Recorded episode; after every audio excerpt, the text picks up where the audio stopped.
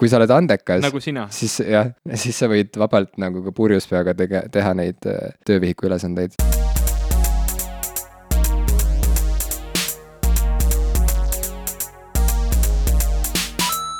tere, minu nimi on Ivo Krustok tere, minu nimi on Jim Asilevi, ja te kuulate podcasti popkulturistid kaks. Popkulturistid kaks. jah, ma mõtlesin, et viiks asja nagu uuele levelile. see on nüüd parem kui varem, see on nagu kaks punkt null. see on parem kui. varem, see on uuem kui va-, uuem kui varem see on küll hea, et ta on uuem kui varem. uuem kui varem. kuule, see oleks nagu nii hea sihuke halb, hea slogan. oleks küll jah. popkulturistid kaks, uuem kui varem. see on nagu, et mõnes mõttes nagu lubad midagi, aga mõnes mõttes see on nagu äh?, aga see on selline lihtsasti täidetav lubadus. ma arvan, et see, see täitub ise. see tuli ka nii loogilisel ajal, sellepärast et meil on ju kaheksateistkümnes osa, eks ole, käes, oleks kahekümnes, oleks võib-olla liiga õige hetk öelda kaks punkt null, aga nüüd, kui on kaheksateist, on nagu täiesti õige aeg öelda kaks punkt null. jah, jah, et äh, popkulturistid kaks, sest et äh, välja tuleb ka kohe ju või noh, ütleme, britid juba on näinud Trainspotting kahte, meie veel ei ole. Kas see on juba Suurbritannias väljas? jaa, see on seal väljas, ma käisin Londonis mõn-, mõni aeg tagasi ja mul oli isegi võimalus minna seda kinno vaatama, aga ma ei teinud seda ja ma vaatan seda siis Eestis, aga igal juhul, et äh, Trainspotting on ju sihuke mm, mõnes mõttes sihuke nagu lävepakk filmikunstis või vähemalt mingisuguse, mingi niširahva jaoks, on ju, et äh, lävepakk nagu filmikunstimaailma või, või, või mis sa mõtled no popkultuuris ma ütleks Ah, pop- laiemalt võib-olla, et lä- lävepakk, sest et on lävepakk nii üheksakümnendate lõpu kirjanduses kui ka äh, üheksakümnendate lõpu kinos, et äh, ja, ja, ja sin-, sinna juurde käib ka kogu see muusika, Trainspottingu soundtrack on ju üks kõigi aegade parimaid soundtrack'e, sihuke popkultuuri plahvatus ja ühesõnaga, et, et kui Trainspotting pani nagu mingi märgi maha, siis ma arvan, et meie popkulturistidena oleme pannud mingi märgi maha ja nüüd, kui Trainspotting kaks tuli välja, nüüd me võime ka öelda, et popkulturistid kaks, mm. -hmm. uus level, noh, ma ei oska seda teemat rohkem edasi arendada, nii et ja par-, uuem kui varem. uuem kui varem. aga ma ei tea, mida see minu kohta ütleb, aga Trainspottingut äh, ma olen vaadanud, aga ainult umbes poole peale. et sel hetkel ma ei taha nagu võib-olla liiga palju sisust äh, inimestele paljastada, aga sel hetkel, kui beebi mööda lagesid äh, ringi liikuma hakkas, ma panin teleka kinni. no sellest võib aru saada, ega seal ei olegi midagi nautida selles mõttes, kui surnud beebi roomab laes, mida sa seal nagu kaifid. täpselt minu mõte, et, et me, me vaatasime seda Evaga ja otsustasime, et, et sellest, sellest kohast me nagu edasi ei lähe ja, ja ma nägin nüüd hiljuti, ma käisin ka kinos, ma käisin seda uut Eesti filmi Sangarid vaatamas ja enne seda. seal ei olnud beebisid, kes roomavad laes mulletitega, ei olnud, aga mulleteid nagu niisama oli küll, et mulletid olid täitsa olemas.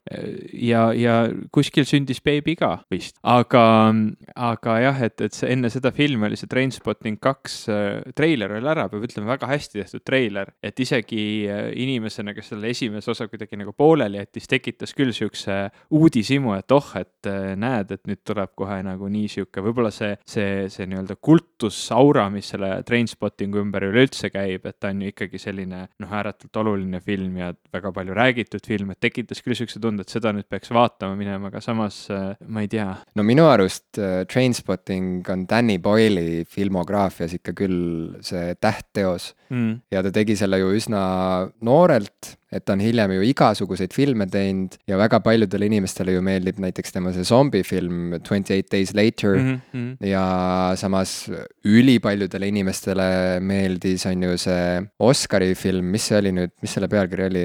Slumdog Millionaire, Mm -hmm. Slumdog on, see on Millionaire. võib-olla tema siis selline kõige tuntum see on film, tema kassahitt mille eest ta sai Oscari ja igasuguseid muid auhindu. minu arust see oli täielik äh, jamps, ma ma ei ei ole tea. näinud seda filmi. ma ei, noh, no et ei, ei arvaks, et äh, seesama režissöör on teinud Trainspottingu, kui vaataks lihtsalt niimoodi anonüümselt ja Danny Boyle on ju ühtlasi teinud ka näiteks The Beach'i, kus Leonardo DiCaprio mängis, kui ta oli veel äh, poisike, poisikese ohtu. et ta on väga-väga palju erinevaid asju teinud, aga kokkuvõttes ikkagi Trainspotting on minu arust tema sihuke nagu noh, et kui mõni muusik näiteks ütleme, on nagu teinud mingit nooruspõlve bändi, vaata, kus see tema nagu mm -hmm. talent oli kõige nagu kõige toorem värskem. ja puhtam mm -hmm. ja värskem, ütleme, et minu arust Trainspotting esindab Danny Boyle'i loomingus just seda perioodi ja nüüd, kus ma äh, just täna lugesin Trainspotting kahe, las ma kerin natuke tagasi, ühesõnaga Trainspotting baseerub ju tegelikult romaanil. Irvin Welsh kirjutas romaani nimega Trainspotting, Šoti kirjanik ja noh, minu jaoks üks olulisemaid kirjanikke üldse maailmas, ta on mind väga tugevalt mõjutanud. Äh, ja, ja selle põhjal tegi Danny Boyle, eks ole, filmi ja, ja siis hiljem kirjutas Irvin Welsh äh, romaani Porno ja see Trainspotting kaks põhineb romaanil Porno, mis nüüd, kui ma käisin Londonis, ma nägin, et raamatupoodides müüakse ka seda pornoromaani uue pealkirjaga Trainspotting kaks. noh, et inimesed, et see on nagu müügikõlbulikum pealkiri ja et inimestel tekiks kohe see seos, et aa, see on seesama lugu, et ma nüüd ostan selle, on ju Äh, mul on see kodus raamaturiiulis veel nime all Porno ja see raamat näeb välja nagu äh, kumminaise pakend, et seal noh, et see esikaas ongi nagu just nagu seal oleks kile, keskel sihuke ümar kileaken, mille taha on siis pressitud sihuke kokku pressitud äh, O-tähe, O-tähekujulise suuga kumminukk.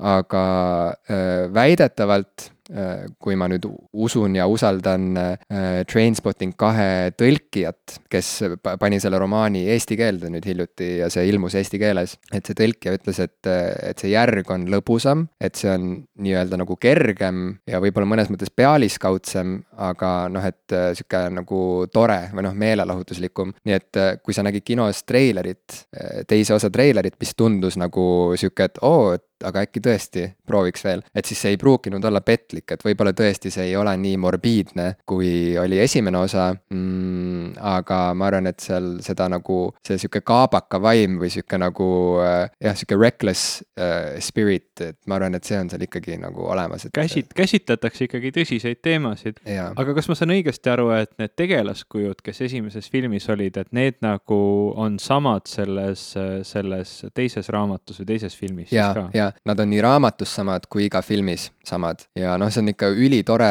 juhus, et äh, nii andis teha, et, et keegi neist polnud vahepeal, ma ei tea, sugu vahetanud, ära surnud, äh, kolinud maa alla elama.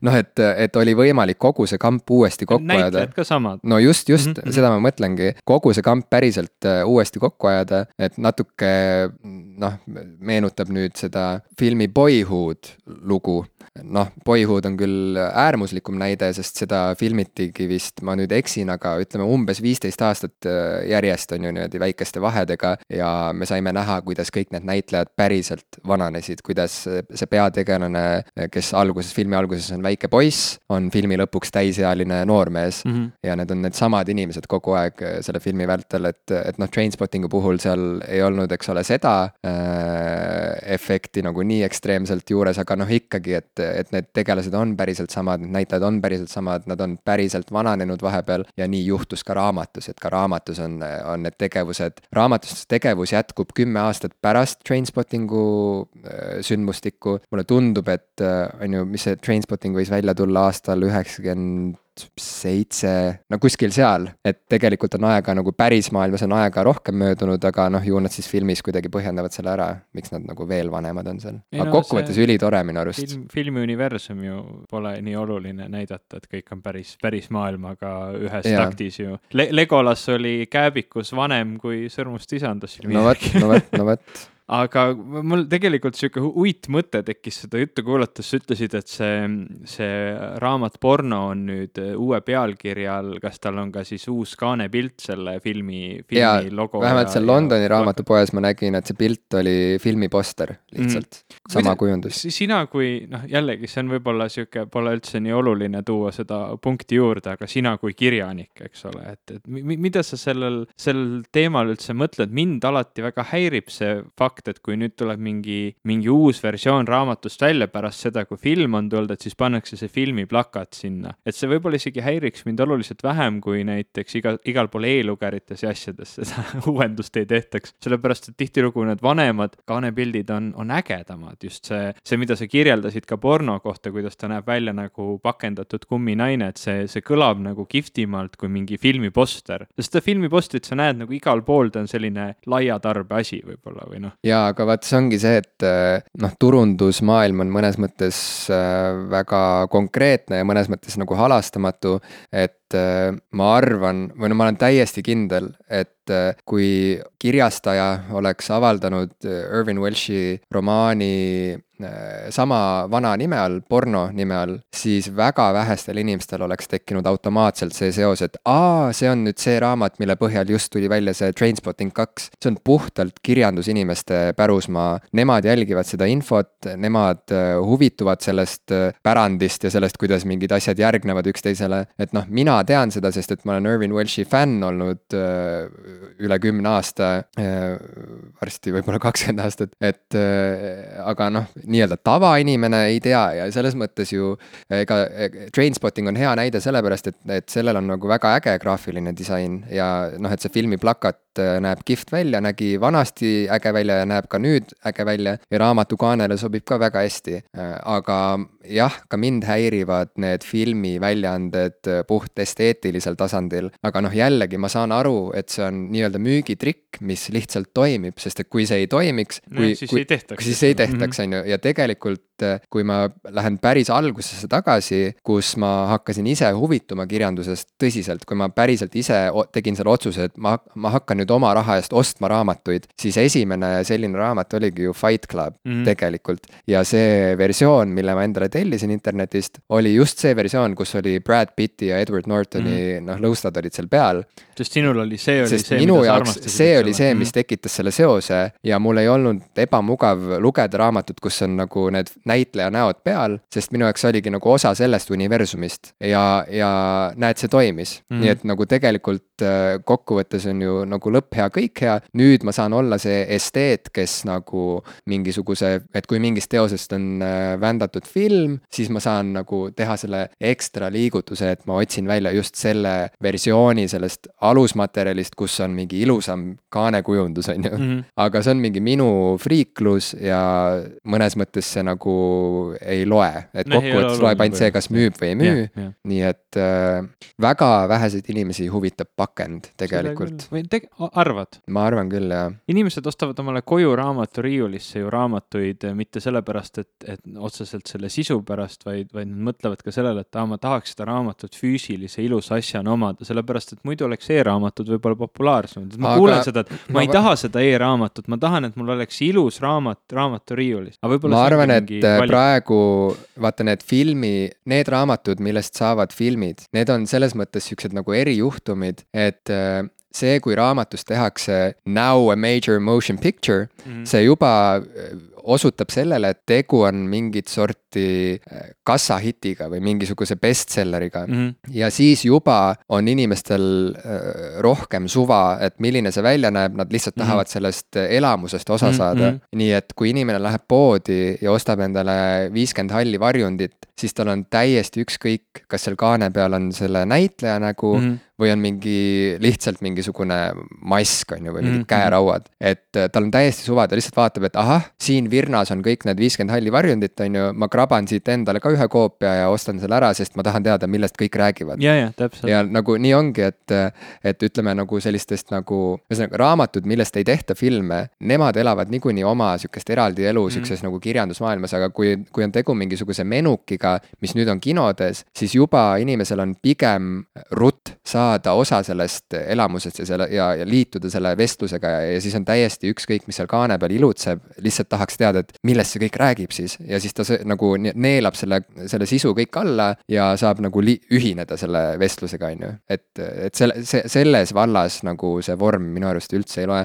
pigem see vorm ongi see, et näed, siin on seesama plakat peal, see on seesama raamat, osta mm. see ära, see on seesama asi. ja loo see seos võimalikult ruttu, kui inimene veel poes on, eks ole. no just, poes, kus on mingi miljon raamatut mm -hmm., noh, see on lihtsalt sihuke turundusnipp, mis toimib ja meie esteedid, me võime siin nagu natukene nagu poetada mingi pisaraga, samas -hmm. võib küsida, et kas see on seda väärt, kui tegelikult sa ju võid otsida endale mingi teise väljaande lihtsalt seda küll, seda küll ja lõpptulemusena enamus raamatud on mul eriti, eriti sellised raamatud, noh, millest me räägime, mis tavaliselt jõuavad filmini välja, on mul Kindle'is ja ma ei näe niikuinii kunagi nende kaanepilte. Oleks, oleks nad mul veel kuskil mingis tahvelarvutis, siis nad tulevad sinna, vanasti oli see Apple'i äh, kuulus skeuomorphism, et, et me tahame, et kõik meie, meie virtuaalsed rakendused näeksid välja nagu päriselu asjad, et neil oli see bookshelf, ma ei tea, kas iBooksis tänapäeval ka on see see näeb välja nagu päris raamaturiiul, kus on need raamatud sinna niimoodi ritta laotud mm, -hmm, eks ole mm. -hmm. et noh, siis seal võiks ju vähemalt saada valida, mind, mind see häiriks, aga kuna ma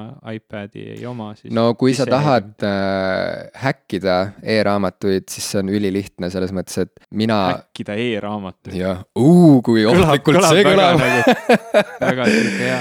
see kõlab umbes nii, see, see kõlab isegi nagu vähem ohtlikult kui see, et kuule, murrame täna raamatukogusse sisse öösel, vaata. lugeda. seal on, seal on vähemalt mingisugunegi sihuke nagu elevus või sihuke romantika käib sellega kaasas, aga sihuke ma tõs, häkin tõsine ikkagi seaduse rikkumine kuhugi nagu päriselt sisse murda no kuigi, ega ma kujutan ette ka intellektuaalse omandi murdmine on, on, on. Ei no see on kuritegu, aga, aga see on nii igav kuritegu, et see ei huvita mitte kedagi, kui sa arvuti taga nagu tõmbad, tõmbad kardinat ette akendele ja siis istud arvuti taha ja häkid oma e-raamatu lahti ja siis paned sinna uue kaanepildi. kusjuures see kõlab isegi niimoodi, et otse isegi mind, keda huvitavad väga paljud asjad, see nagu, ma üritasin ükskord oma Kindle'it küll nagu, nagu ähm, ümber teha nii, et ta näitaks mulle mingit ägedamat seda nii-öelda vaike pilti, et ma saaksin sinna panna mingi Don't panic või mingi Hitchhiker's Guide to the Galaxy nalja äh, nagu, nagu popp on tänapäeval või mingi värgi, aga see on tänapäeval popp või? väga huvitav. minusugust panna Kindli, panna Kindlile mingi teine screensaver. aga ma peaaegu, peaaegu lõhkusin oma Kindli ära sellega, nii et ma Mm. otseselt ei soovitaks seda kellelgi ette võtta, need versiooni, versiooninumbrid on hästi erinevad. aga okay, see no- see ei olegi oluline. ja, ja e-raamatuid on ohutum, need ei lähe nii kergesti katki Okei. ühesõnaga, jah. no see on hea teada. aga see on nii luuser kuritegu, et ma ei soovita seda Päri- selle, puhtalt sellepärast kellelegi, et see ei tee su staatust nagu paremaks. mm. -hmm. see on. võib-olla isegi natuke halvemaks. pigem jah, et kõik pahandavad ja noh nagu. kuritegu ka veel lisaks kõigele, kindlasti.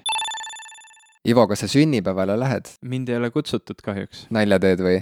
me kõik oleme kutsutud oma kodumaa Eesti Vabariigi sünnipäevale, nii et ära hakka isegi rääkima, et sa ma, ma kohe, kohe samastasin kutset. ma kohe samastasin selle vabariigi presidendi vastuvõtuga, mis, mis on nagu sihuke, et nagu, et, et ma kohe mõtlesin, et mind ei ole kutsutudki nagu ma iga aasta õhtult ootan seda kutset. ei, ega see, kui sa ei saa presidendilt kutset vastuvõtule, see ei tähenda, et sa nagu nüüd ei, ei kuulu siia või et sa ei ole oodatud oma kodumaa sünnipäevale, ei, ei, ei, see on ei. tõsi, see on tõsi ja ära selliseid järeldusi üldse tee, need on, need on valed ja need on ohtlikud isegi. mm.. aga see ikkagi kuidagi räägib minu sellise vaimse, vaimse nii-öelda tasakaalukuse nimel, et ma ikkagi iga päev, iga, iga aasta seda kutset ootan. nüüd mul oli sihuke väike Freudian slip. Jah, sa ütlesid isegi, et iga päev. mm. -hmm. noh, tead mis, loodame, et äh, meie president kuulab meie podcast'i ja loodame, et järgmisel aastal potsatab sulle ikkagi postkasti kutse vastuvõtule.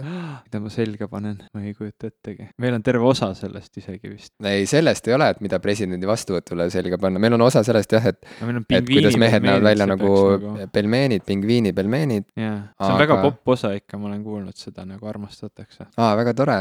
mm.. Aga noh, vabandust, Ivo, noh, ma vabandan presidendi eest praegu, vabandust, et sa ei ole kutsutud seekord vastuvõtule jälle. mitmes kord see on, kui sind äh, niimoodi kõrvale heidetakse? ma ei tea, no kui vana sa oled, kui vana ma olen, no ma olen seda natuke natuke vanem kui, kui Eesti vabariik noh, ütleme mitte, mitte vanem kui Eesti Vabariik, aga kui taasiseseisvunud Eesti. mm? -hmm. ja kui kaua on presidendi vastuvõtte korraldatud, ilmselt mitte kohe esimesest taasiseseisvumise aastast või ma eksin, ma ei tea. Mm, trivia küsimus, ma ei see tea seda. trivia. küsimus. Kui, kui mitu presidendi vastuvõttu on, on korraldatud? Jah, pärast taasiseseisvumist? jah, aga ühesõnaga, see pidu on kõigile, ma võin sulle öelda, presidendi nimel, ma võin seda öelda meie riigi nimel, see pidu Ma- on kõigile, see on, see on mõeldud jaa. ka sulle, kindlasti pidutse, kindlasti pidutse. Ma teen kooki kohe. jah, aga tead, vaata viimasel ajal on nagu nii palju olnud äh, juttu sellest, et mis asi on sihuke tervislik rahvuslus ja patriotism, sest et äh, on siin erinevaid hääli ja erinevaid äh, liikumisi mis lörtsivad väga ära kogu selle patriotismi teema ja rahvusluse teema ja üldse omariikluse ja, ja, ja kodumaa, et kõik need mõisted nagu on omandanud siukse nagu natsliku meki. Ja mis sina kui inimene, kes ei ole nats ja kes ei ole ka mingit muud pidi sihuke nagu vasaraga taguja, kes on äh, arukas, kriitilise Sepp, meelega, empaatiline inimene, sepp jah, natsisepp või ma ei tea, natslik sepp, kes taob, äh, kellel vasara asemel on haakrist, millega ta taob, on ju, vastu seda alasit mm.. et ühesõnaga, sina ei ole selline, sa oled, sa oled hea inimene, heasüdamlik, empaatiline, kriitilise meelega, intellektuaalne, andekas, avatud südame, avatud meelega, laia silmaringiga inimene. sihuke mõttetu tropp ühesõnaga. ehk ehk mõttetu tropp, et sina kui mõttetu tropp, mida sina ütleksid, mõttetu tropp Keilast, mida, mida sina ütleksid, et, et, et mis on sinu suhe mm, patriootlusesse, mis on sinu suhe eh, nagu sellisesse nagu eestlaseks olemisse, kas see on omandanud sinu jaoks mingisuguse nagu imeliku maigu või oled sa suutnud nagu hoida kinni mingist oma sihukesest suhtumisest ja identiteedist, mis ei ole kuidagi sihuke diskrimineeriv ja, ja sihuke nagu raju? see on minu jaoks alati olnud vägagi imeliku maiguga või vähemalt nii kaua, kuni ma mäletan seda, mida ma mõtlen. Äh, noh, ma ei saa rääkida endast lapsepõlves, ma ei, ma ei tea, mida ma siis mõtlesin, aga, aga selline nagu rahvuslus või, või nagu meeletu uhkuse tundmine, tundmine selle üle, et ma olen sündinud näiteks Eestis või, või ükskõik mis riigis, et ma, ma tunnen puhtalt uhkust mingisuguse sihukese juhusliku sündmuse üle või pean seda nagu kõrgemaks kui äh,, kui näiteks mõnes teises riigis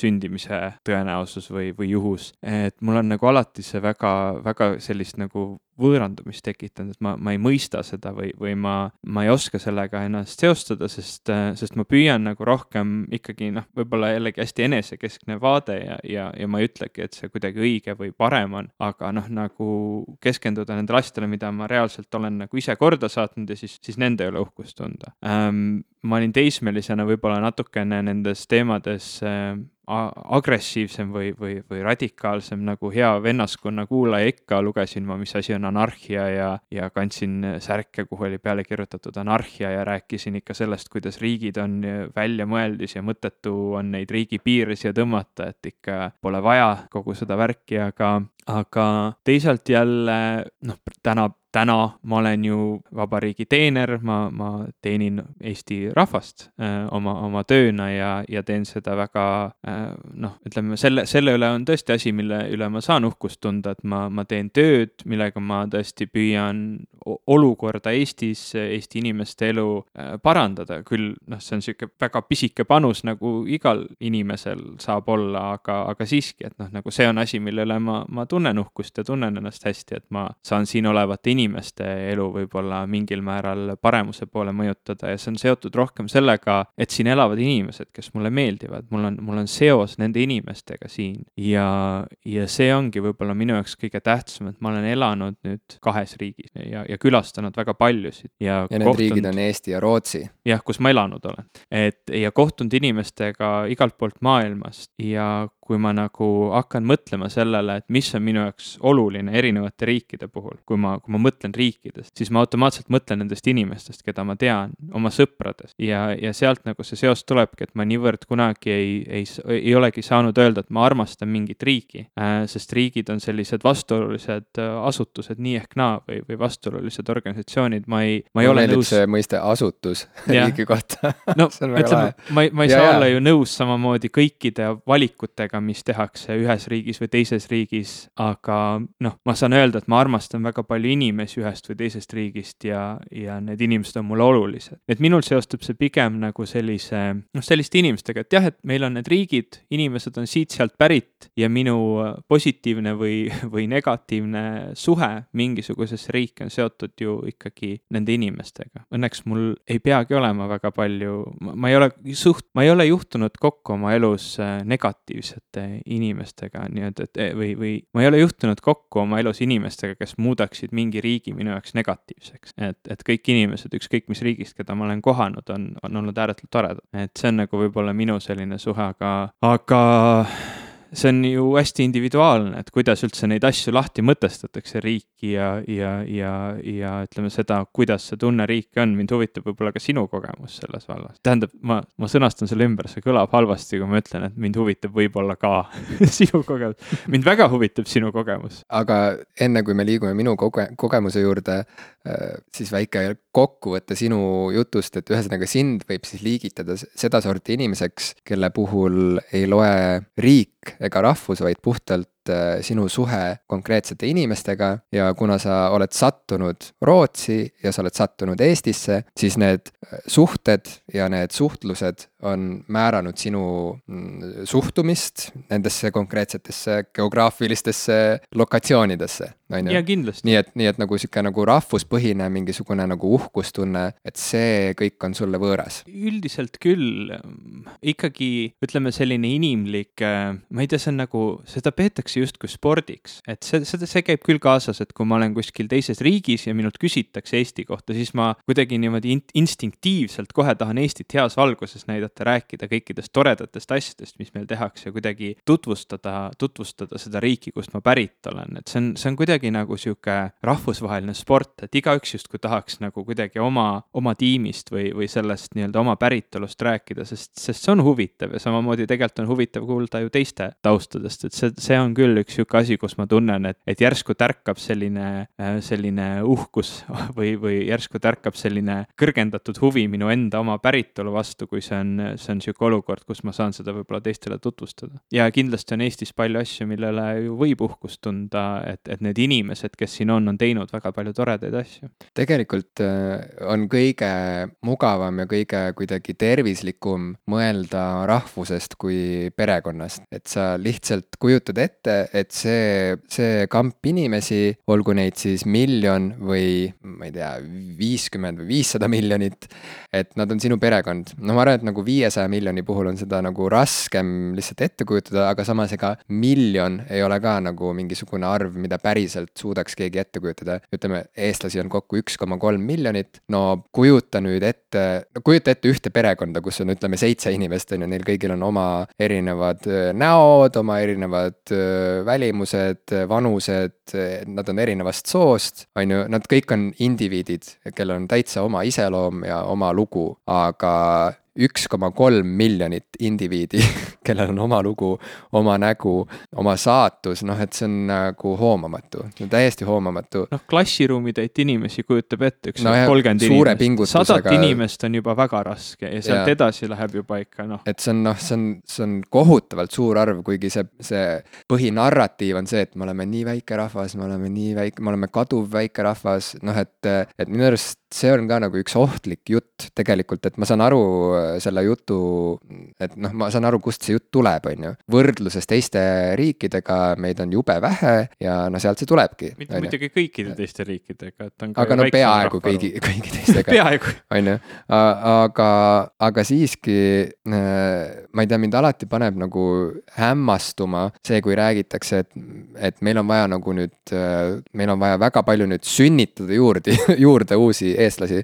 et see on alati nagu ja jällegi, ma võin mõista, on ju, kust sihuke jutt saab tulla, aga ma kohe vaatan seda asja nagu globaalsel skaalal ja siis mulle tundubki nagu, et olukorras, kus maailm on juba ülerahvastatud, kuidas sa saad nagu sirge näoga rääkida sellest, et hästi mõistlik oleks nagu toota juurde eestlasi äh,, kuidagi pigistades silma kinni äh, selle koha pealt, et äh, tegelikult maailmas on juba nagu väga palju inimesi ja, ja võib-olla me nagu, võib-olla see kõik ei mängi nüüd välja päris hästi, kui me nagu muudkui sünnitame ja sünnitame ja sünnitame inimesi juurde. et mingisugune sihuke, mingi sihuke lisaargument, et jaa, aga eestlasi on äh, rohkem juurde vaja kui indialasi või hiinlasi, on ju, et see on nagu mingi nii imelik jutt et, äh, et et, et kohe ei oskagi nagu seda ühestki küljest nagu kuidagi. see on.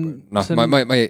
noh, kogu see asi nagu tegelikult. kas me elame eraldi planeedil, kas on olemas asi nagu planeet Eesti eh, planeedil Maa, kas see on mingisugune lisateooria sellele lameda maa teooriale, et me võiksime nagu Facebookis teha eraldi nagu Eesti grupi, et planeet Eesti ja siis hakkame rääkima, et jah, et tegelikult see on okei okay,, et me, kui, kui me sünnitaksime nüüd siia nagu viissada miljonit eestlast juurde, et see oleks väga-väga hea tegelikult no,. sest me oleme eraldi planeedil. kogu see jutt sellest, kuidas mingis riigis, eks ole, sünnitatakse palju ja, ja siin vähe ja et see tuleks kuidagi ära muuta või ümber pöörata, noh, need asjad ei toimi niimoodi, et seda kirjeldab see demograafilise ülemineku teooria ja, ja kui me räägime nendest etappidest siin, et mis noh, ütleme ühe populatsiooni kasvul või arengul, eks ole, toimubki alguses see plahvatus, eks ole, on meeletu juurdekasv noori inimesi ja küllaltki vähe vanane, vananenud populatsiooni ja, ja siis, kuidas üleminek toimub, et, et äh, tegelikult enamus riigid maailmas on jõudnud sinnamaani välja, et tegelikult ei, ei ole enam niimoodi, et meeletu sünnitamine toimub. et noh, meil on riike, kes, väga suuri riike, kes on väga hiljuti selles veel olnud, äh, selles staadiumis äh, ja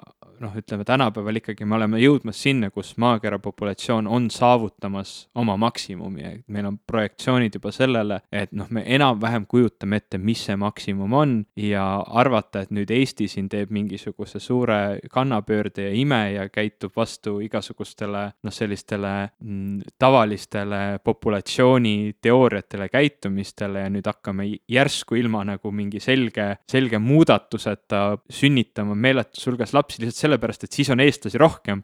et noh, see lihtsalt, see see ei toimi niimoodi, maailm, maailm ei toimi niimoodi ja sa ei saa ka nagu otseselt äh, poliitiliselt seda kuidagi väga niimoodi mõjutada, mida sa saad teha, on noh, nagu teha lihtsamaks näiteks noorte vanemate olukord, äh, teha lihtsamaks äh, lasteaiakohtade saamine, mis iganes, mis toetavad seda, et rohkem lapsi saadaks. aga see ei muuda seda olukorda, et, et et noh, see, see ei kasvata Eesti rahvaarvu kümne miljonini siin nüüd järgnevad kümne aastaga. aga tuues äh, seda jutulõnga tagasi selle perekonna paralleeli juurde, siis äh, mulle tundub, et kui võtta oma rahvust ühe sellise perekonnana, siis on palju vähem piinlik kuidagi öelda, et jah, ma olen uhke oma rahvuse üle, et siis nagu sealt kaob juba osa seda nagu natsimekki ära ja, ja, ja, ja noh, et sa võidki nagu rääkida oma rahvuskaaslastest kui oma sugulastest, on ju. et samamoodi nagu oma peres, et noh, ma võin öelda, et ma olen uhke oma õe üle näiteks, on ju, et mul on väga tore õde, kes teeb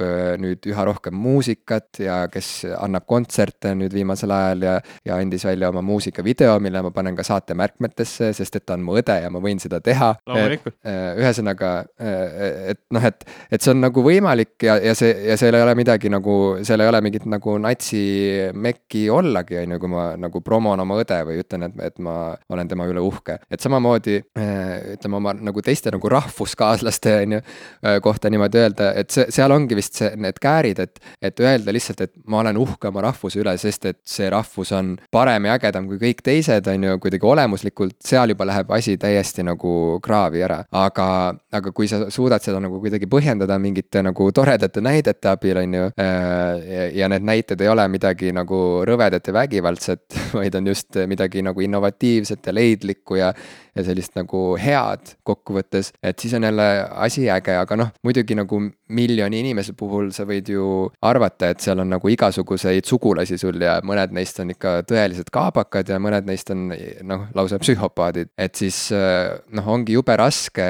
ütleme sihukeses miljonihäälelises kooris jõuda mingisuguse harmooniani või mingisuguse nagu kooskõlani ka selles rahvuse jutus. et, et mis on see domineeriv narratiiv siis on ju, millised me siis oleme oleme tegelikult ja viimasel ajal tegelikult see, see hirm ongi olnud see, et äh, kurat, äkki nüüd siin jääbki nagu peamiselt kõlama see, et me oleme üks kitsarinnaline tigerahvas, kes äh, on äh, väga võõravaenulik ja põhimõtteliselt tahab lihtsalt nagu kükitada üksi oma suitsutares, uks kinni ja, ja kopsud nõgised et et äh, noh, ka see üldistus on vale, et kokkuvõttes on ju see kaleidoskoop on nii kirev, et tegelikult tõmmata see kõik kokku mingisse ühte sümbolisse või mingisse ühte narratiivi on alati tegelikult sihuke vägivaldne akt. et see on alati tegelikult, küsimus on alati lõpuks selles, et kes lihtsalt kõvemini karjub, kelle hääl jääb pea, peale ja tegelikult nagu sihukese reklaami inimesena kuna ma selles valdkonnas viimasel ajal olen töötanud, et siis on väga põnev olnud tegelikult ähm, jälgida kogu seda diskussiooni, mis on käinud näiteks Eesti brändi ümber. ja ma olen ka osaliselt sinna panustanud, ma olen ka omalt poolt pakkunud mingeid ideid, väljendanud arvamust tagatubades et, et siis ongi nagu hästi, see on väga huvitav mõtteharjutus tegelikult, et, et ma tean, et seda on nagu super kerge nagu ülikiirelt naeruvääristada ja maha teha, kui keegi vähegi midagi välja pakub. nagu me nägime selle Eesti brändi tööriistakasti puhul, lekkis mingi üks pildike suvalisest riidekotist, kus oli täiesti juhuslik suvaline näidis peal ja inimesed, kes äh, ei ole selle eriala inimesed, võtsid seda kohe vastu nagu sihukese šokiga, et mida te teinud olete. esiteks, kui palju teile raha maksti ja mida fuck'i te olete teinud selle rahaga, et te pakute meile välja oksendava siili mingil kuradi rõve rõvedal turukotil, et kas see on nüüd see Eesti logo, see on nüüd see, see on nüüd Eesti või mm? -hmm. et, et prantslastel on Eiffeli torn, inglastel on, on ju vanast ajast Buckingham Palace, Big Ben ja nüüd Union siis uuemast Jack, ajast on ju uuema ja Union Jack ja uuemast ajast London Eye ja meil on see oksendav kuradi rõve plärakas, see, see mingi roheline rõve siil turukoti peal. see on nii huvitav, kuidas need meemid tekivad, sest minul neid seoseid noh, niimoodi küll ei tekkinud, näed seda pilti, ma, ma vist ei ole nii leidlik inimene, et kohe sinna juurde panna mingisugused okselärakad ja, ja siilid. no seal oli erinevaid tõlgendusi, aga, aga, aga pange nüüd ennast sellesse olukorda, kus te peate nagu kontsentreerima Eesti kui sellise mingisse ühte nagu äh, pildikeelde äh, ja üht, noh, üldse mingisse ühte sõnumisse kokku. et mis lugu me siis räägime, on ju, kui me tahame rääkida mingit lugu siin maailma juturaamatus, et, et, et mis juttu räägib Eesti ja see on huvitav, et tegelikult ju Ameerika kohta, kui sa loobid mingi märksõna, on ju, et kirjelda mulle Ameerikat. inimesed, kes ei ole kunagi käinud Ameerikas, ikkagi suudavad sulle pakkuda välja mingeid märksõnu. see tähendab seda, et ikkagi selle Ameerika lugu, noh, et ta on nii lai ja kaugeleulatuv, et tõesti nagu iga võhik julgeb võtta sõna Ameerika teemal. sest et ta on midagi kuulnud, ta midagi ikkagi teab, tal mingi mulje ja ettekujutus on olemas. mõnes mõttes ma arvan, et väga paljudel inimestel juba on tunne, et nad teavad põhimõtteliselt juba kõike põhilist Ameerika kohta, kuigi nad tegelikult ei hoomagi, et, et näiteks selline asi nagu Ameerika, no et sa ei saa lihtsalt niimoodi laksida, et Ameerika kui selline, sihukest mm, asja ei ole mm, olemas mm see on samamoodi nagu sa ütled, et. suur riik suurem kui Euroopa, eks no, ole. sama hästi sa võidki ja, ja, ja tegelikult Aafrika puhul see on ju veel ja, hullem, Aafrika puhul me ütlemegi, et noh, et Aafrika on Aafrika mm, -hmm. see on mhm. see üks sihuke suur latakas, kus need alaarenenud äh, siuksed mingid äh,, kuidas nüüd öelda, nagu ühesõnaga, et, et seal elavad inimesed, kes e, põhimõtteliselt müttavad liivas, on ju, mhm. ja, ja, ja keda on vaja abistada kogu aeg, noh, et, et see kõik on nagu. nagu õieti midagi teha ja, ja seal nagu ei saa millegagi hakkama, mis on ju noh, absur-, absurdne väide terve mandri kohta sa ei kujuta ette, kui suur on Aafrika, sa ei kujuta ette, kui suur on Ameerika ja, ja sama jabur oleks öelda, et ütleme, et Euroopa on kõik üks lahmakas, vahet ei ole, kas sa oled lätlane või sa oled portugallane või sa oled äh, sakslane, on ju. et see kõik on üks sama mm., üks sama kõik, poolakas ja eestlane ja itaallane ja kreeklane, nad on kõik sama mm., et nad on kõik üks Euro Euroopa. kusjuures olles, olles teinud äh, koostööprojekte, teadusprojekte äh, mitmete Aafrika riikidega. noh, võib-olla palju on öelda mitmetega, sest see on ikkagi, seal on väga mitu riiki, aga seal kolme-neljaga, siis ma võin öelda, et need, need ägedaid asju, mis seal tehakse, neid, neid nii-öelda innovatiivseid, leidlikke ideid ja asju on, noh, oleks Euroopas selline olukord, seal on ikka tõesti ägedaid asju tehakse. Ja mul on nii kahju, et ma pean seda päris tihti inimestele selgitama, kes näevadki maailma kuidagi sellisena, et, et justkui kõik see nii-öelda, kõik see uus ja huvitav ja hea ja kõik see nagu tark arendus toimub siin kuskil Euroopas, sest noh, Ameerika on ka justkui siit Euroopa kõrge torni pealt juba välja arvatud miskipärast, kuigi kui sa hakkasid rääkima, et mis sõna meil seostub Ameerikaga, siis minul olid esimesed mõtted, mis pähe tulid, olid innovatsioon, äh, töökus, sihuke hard working, eks ole, ja, ja sihuke enda ülesse töötamine, et need olid esimesed sõnad, mis mul Ameerikaga seostusid, aga, aga just, et siin kuidagi seda Euroopa pilti, et Aafrika justkui on selline saamatu või, või, või noh, nende Aafrika see jutumärkides ideoloogides kontseptsioon on noh, nagu nii elukauge, et see justkui ongi selline koloniaalajastust veel säilinud selline, et noh, on mingid riigid kuskil, kes justkui ei saa eluga hakkama, meie kui eurooplased peame minema ja, ja näitama ette. Kuidagi, ma, ma isegi ei saa aru, kuidas see tekkinud on ja võib-olla see ongi see, mis siiamaani minus tekitab võib-olla kõige suuremat sellist eh, vastumeelsust kogu selle rahvusluse teemaga, kui sa räägid nagu see, et noh, me võib-olla mõtleme rahvusest kui, kui perest, et meie eestlased olemegi üks pere, 哎。Et, et noh, siin ka ju on neid negatiivseid pooli sellele, et eelistatakse, eks ole, näiteks pereliikmeid eh, võib-olla mõnele ja palju pädevamale eh, teisele valikule või noh, et no ma ei tea, kuidas seda kutsutakse, nõupoja, nõu, nõu, nõu. onupojapoliitika on,. onupojapoliitika või, või et, et see nagu, et seal nagu ikkagi mingi sihuke negatiivne varjund mulle jääb, kuigi mulle meeldib see mõte palju rohkem, et ikkagi käsitleda seda, et me oleme üks pere, sest noh, tegelikult kogu maailm ju, me oleme üks,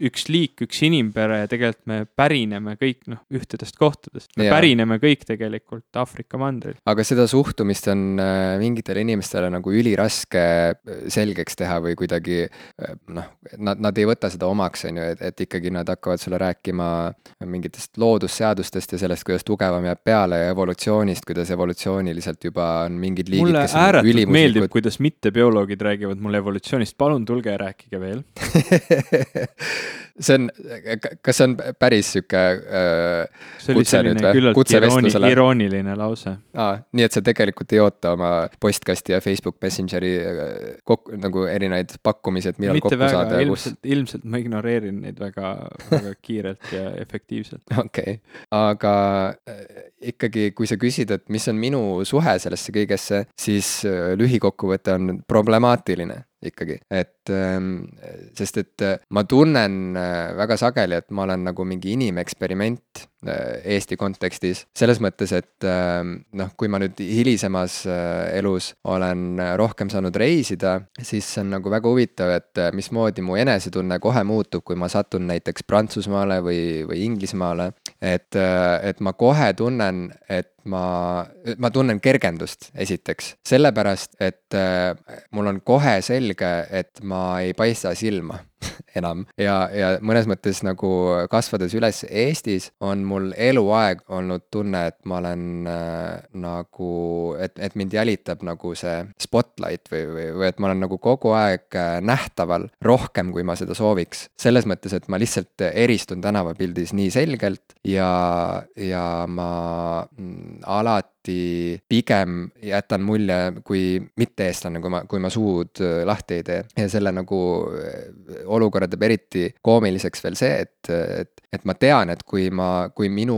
koopia tuleks, on ju, tänaval mulle vastu, siis ka minu esmane reaktsioon oleks nagu mõelda, et huvitav, kust ta tuli või noh, et, et ta ei ole ju noh, siit. aga see on äh, tekitanud mulle nagu mingeid erinevaid nagu komplekse ja siukseid nagu neuroose tegelikult, et ma olen võib-olla nagu sotsiaalselt ärevam, kui võiks olla ja ma olen nagu hästi eneseteadlik äh, nagu ka halvas mõttes, et ma kuidagi nagu jälgin ennast hästi palju nagu kõrvalt ja, ja äh, ilmselt ka võimendatult äh, tunnen ennast nagu mingi tulnukana. ja see on nagu põhjustanud selle problemaatilise suhte kogu selle rahvusluse teemaga, et, et ühest küljest mul ei ole muud rahvust kui eestlane, sellepärast et ma olen ju siin sündinud, Äh, eesti keel on mu emakeel ja ma ei ole elanud ka üheski teises kultuuriruumis tegelikult, et ma olen äh, nagu kõikide nagu põhitingimuste järgi nagu ei midagi muud kui eestlane. aga samas äh, noh, ma olen omal nahal kogenud, et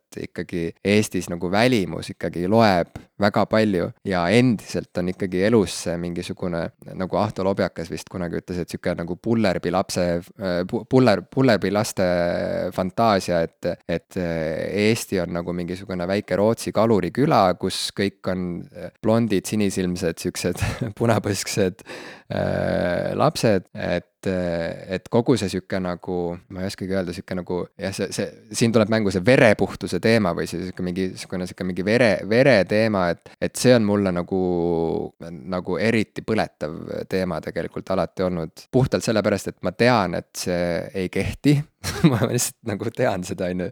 et, et noh, et, et eestlus ei ole nagu mingi verepõhine asi, et ma olen elav näide sellest. mul, ma ei näe välja nagu eestlane ja mul on täiesti mitte eestipärane nimi, aga ometi, kui, kui mulle keelata äh, eestlaseks olemist rahvusena, siis äh, tulemus on see, et, et siis järelikult mul ei olegi rahvust nagu, et kes ma siis olen. Äh, ja mõnes mõttes oleks tegelikult ülihuvitav, ma olen mõelnud, et tegelikult nagu ma olen just see inimene, kes peaks tegema mingi dokumentaalsarja, ma ei tea, Kanal kahte või mida, mida iganes nagu suurem osa inimesi vaatab. ja umbes noh, ongi mingi reporteriga nagu samal ajal mingi reporteri rubriik, kus ma nagu käin. reporter eri. reporter eri, kus ma käin nagu natsidel külas, on ju, ja me arutame rahvusluse teemat ja siis, siis me saame nagu ja siis nad ütlevad nagu mulle, et ma ei ole eestlane ja ma nagu vaidlen nendega, et aga, aga miks sa niimoodi ütled ja, ja kuidas saad nii öelda ja siis ma viin neid vaatama oma vanaisa ja vanaema ja et, et ja lõpus me kõik kallistame,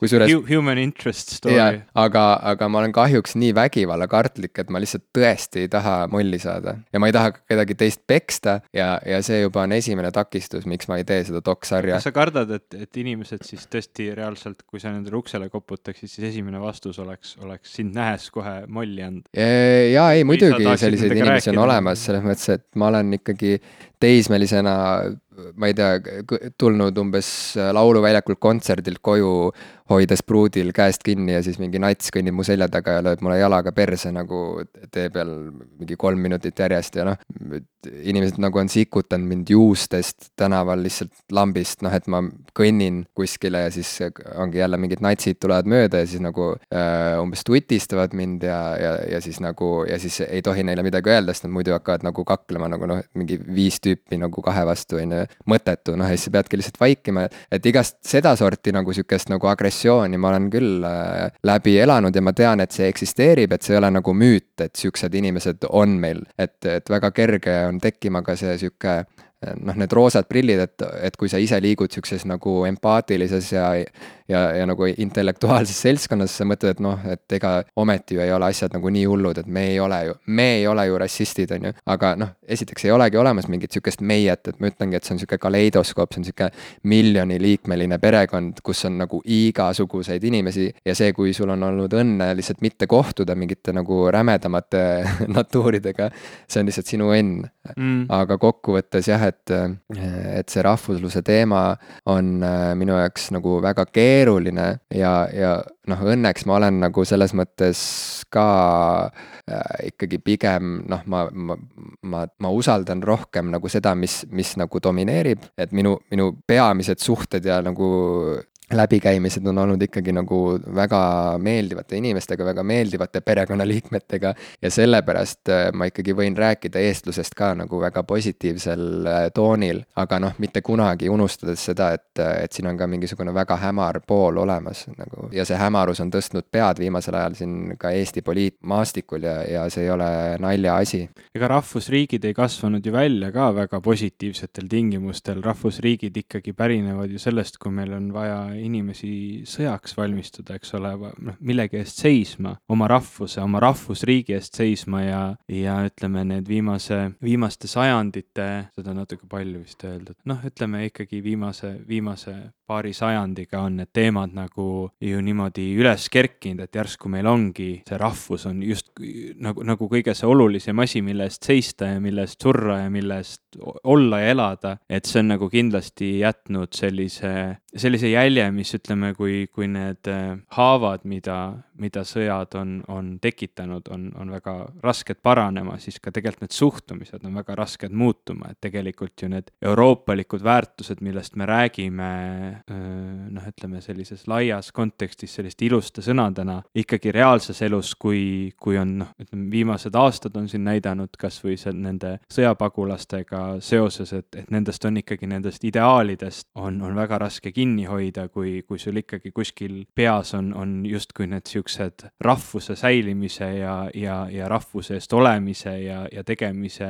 äh, mõtted ja sõnumid. et selles suhtes on see kindlasti, kindlasti keeruline ja eriti keeruline Eestis, et noh, sa tõid välja ka, et kui sa oled näinud mõnda välisriiki, siis sa kohe nagu tunned ennast järsku kuidagi sellise anonüümsemana anonüümsem, ja see tegelikult lõõgastab mind koheselt või no ma tunnen, et mu e-, oma see kõrvalpilk tüdruk läheb ka puhkusele ära mm -hmm. nagu, Mhm. et okei okay,, chill, sa oled siin ei keegi mm. -hmm. nii-öelda, et. sa ei torka kohe nagu jaa. silma kõigile. ja, ja et Eestis noh, me, meil ei ole väga mitmekesine elanikkond, see on, see on vaikselt muutumas, aga noh, ütleme sinu vanust vaadates, sinu eluajal, eks ole, on see ikkagi olnud küllaltki, küllaltki selline, nagu ta on alati olnud, et siin pole erilist, Eesti ei ole väga mitmekesine riik. Tallinn isegi suurlinnana Euroopa sellise ühe pealinnana ei ole väga mitmekesine linn ja, ja noh, seda on nagu kindlasti, igasugune erinevus torkab siin nagu väga-väga selgelt ja tugevalt välja ja on inimesi, kes kindlasti tunnevad ennast ebamugavalt sellega, et on, on erinevaid inimesi ja see tekitab. Absoluutselt.. kui ma kolisin, kui me kolisime Haapsallu, siis äh, üsna kohe, praktiliselt esimesel päeval mu elukaaslane läks kassile toitu ostma loomapoodi ja siis seal üks sihuke keskealine proua äh, noh, uuris, et oo, et no, uus nägu umbes ja et, et mis sa siin, siin teed. Ja siis mu elukaaslane rääkis, et jaa, et kolisime siia Haapsallu ja et tundus nagu tore. Ja siis ta kuidagi hakkas kohe, võttis jutujärje üle see müüja ja ütles, et, et jaa, jaa, jaa, et ta, ta, ta ei kujutaks ka ette enam, et ta suudaks Tallinnas elada, et seal on nii palju juba neid mustasid ja igasuguseid, et, et see sinu jutt, et Tallinn ei ole veel piisavalt mitmekesine, on olemas inimesi siin, siinsamas Eestis meie perekonnas, kelle jaoks Tallinn on juba selline rahvaste paabel mm. -hmm. et, et juba ei an- Haapsalu ongi varsti liiga mitmekesine. ja et no mul tekkis kohe hirm, et oh fuck, et ma nüüd siin rikun selle Haapsalu linna ka nüüd ära selle vaese proua jaoks, et, et, et äkki ma olen siin see viimane piisk karikasse, tõrvatilk meepotis. mm. -hmm. sest me ju siin oleme tõsine meepott, mida on võimalik rikkuda kõikidel, kes tulevad väljaspoole, see on see, mida meil ette kujutatakse vist jah, see ongi see varjukülg, see ongi see, see ongi see sitt narratiiv. mm. -hmm. aga mõtlengi, et äh, mis, mis see hea narratiiv siis on, et mi- mis mi- mis on, mis on, mis on ühe nagu normaalse rahvusluse, siukse nagu tervisliku, empaatilise, avatud rahvusluse tunnusjooned? ma just mõtlesin seda, et tegelikult see. kuidas vehkida Eesti lipuga nii, et sa ei See tunneks jutt- ennast nagu mingisugune see jutt, mida vahel need halva inimene. narratiivi kandjad räägivad, et oluline on Eesti kultuuri säilitada ja, ja Eesti, ma ei tea, kunsti ja kirjandust ja keelt ja kõike on vaja justkui elus hoida ja kaitsta. tegelikult, kui seda nüüd natuke vähem agressiivselt võtta, et ei pea rusikaga vehkima, et siis need on ju tegelikult väga, väga head väärtused, väga head mõtted, et, et kui me mõtleme enda, endast kui eestlaste, sina, mina, meie perekond, eks ole. ja, ja me mõtleme sellest, et mis on need väärtused, mis meid siin selles geograafilises punktis nende piiridega, selle ajalooga üks, ütleme noh, kirjeldavad ja, ja mis on see meie lisaväärtus, siis tegelikult noh, meie, meie kultuur, meie loome, meie, meie keel, mis erineb teiste rahvaste või, või murrete või kelle iganes keeltest, et, et need, need ongi nagu sellised väärtused, mis maailma rikastavad ja, ja nendel ongi väärtus, eks ole, et selles suhtes ju mm, sa oled ääretult hea eestlane olnud sellega, et sa oled tegelikult väga palju panustanud nendesse kultuuridesse, nii eestikeelse teatri, kirjanduse kui ka, kui ka teiste asjade nii-öelda arengusse ja kasutusse. no ma üritan oma seda rahvust välja teenida, mitte kodakondsust, see on mul olemas, aga rahvust rahvust välja teenida, eks ole. see on mu elutöö saada eestlaseks. kui me mõtleme, et nagu igaüks meist, eks ole, iga, iga, iga meie pereliige peaks kuidagi oma rahvusluse välja teenima, et siis sa oled ilmselt palju kaugemal selles protsessis kui nii mõnigi meist, eks ole, mina kindlasti sealjuures, et. oi, ära nüüd. no mina olin neli aastat ikkagi mugavuspagulane Rootsis, ärgem nüüd ära unustagem. et panin plagama siit nii kui asjad halvaks läksid, ma ei tea, mis asjad need halvaks läksid, aga anyway äh,, by the by äh,. Ah, siin ei saanud doktorikohta, panin kohe kuhugi teise riiki, kus No no, oli parem, eks ole ähm,. aga, aga et selles suhtes, et noh, et tegelikult need ei ole nagu halvad, halvad asjad, mille eest seista ja ma tegelikult tahaks näha, et need inimesed, kes seda nii-öelda sõnades väga oluliseks peavad, tegelikult teeksid rohkem, et eesti kultuur ja keel ja haridus ja, ja, ja ajalugu ja mis iganes, eks ole, oleks inimestele kättesaadavam äh,, oleks, areneks pidevalt muutuks, uueneks ja, ja tegelikult huvitaks järjest rohkem inimesi, sest neid teemasid, mis, mis on jäänud nii unustuste varju kui ka ütleme, jäänud võib-olla, võib-olla meist kaugeks, eks ole, on palju ja mõne, mõni on täitsa kurb, et on jäänud kaugeks. ma ei oska ühtegi näidet tuua, ma ei tea, võib-olla isegi näiteks kasvõi Eesti ajalugu, ma mäletan, et ma olen õppinud Eesti ajalugu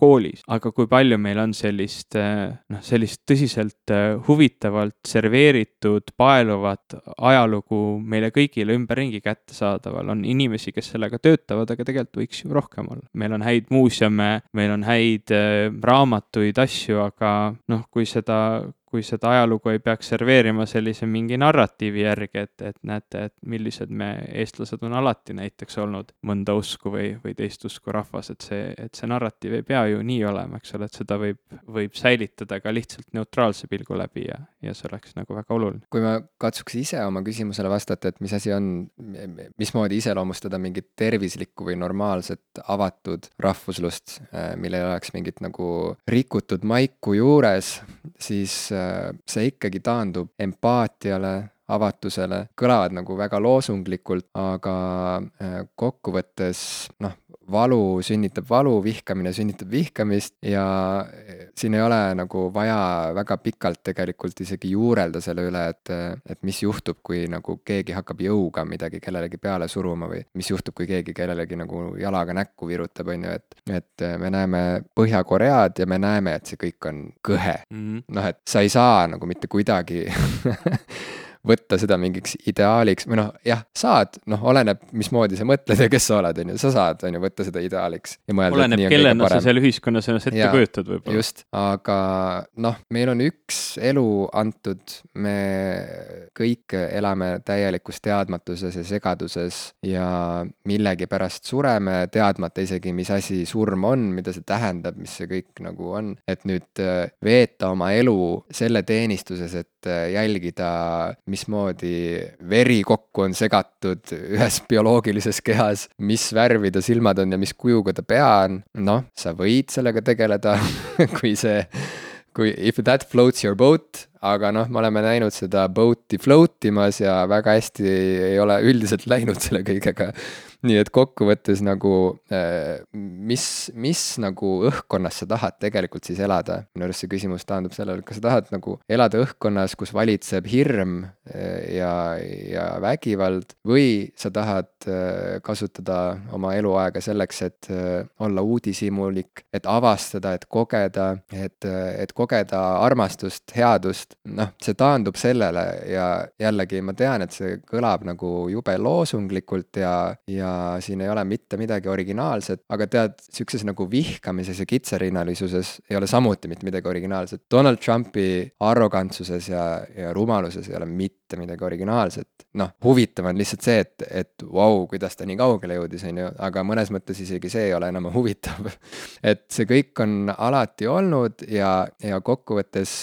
noh, vaikus on hirmusõber üldjoontes ja igasugused ebakindlused, hirmud, igasugune valu armastab väga vaikust ja me võime nagu vaikimisi selliste nagu kriitiliste empaatiliste inimestena arvata, et, et kuulge, et terve mõistuslikkus ju võidab lõpuks ikkagi. aga see ei juhtu iseenesest ja mulle tundubki, et, et see on selles mõttes väga hea, et Trump nüüd on ohjad üle võtnud, et tõesti igas valdkonnas on nüüd näha, et inimesed tõesti on nüüd nagu saanud aru, et okei okay,, see oli nüüd äratuskell et, et ma olen arvanud, et mingid asjad on universaalsed tõed, aga need ei ole seda. empaatia ei ole mingisugune universaalne tõde, teistega arvestamine, avatus, kannatlik meel, jagamine, kõik need väärtused ei ole iseenesestmõistetavad ja, ja midagi pole teha, kõik kõiki elu põhitarkusi on vaja kogu aeg üle korrata. ja see on põhjus, miks me põlvkonnad põlvkondade järel loeme samu alustekste, miks me lähme tagasi samade vanade filosoofide juurde.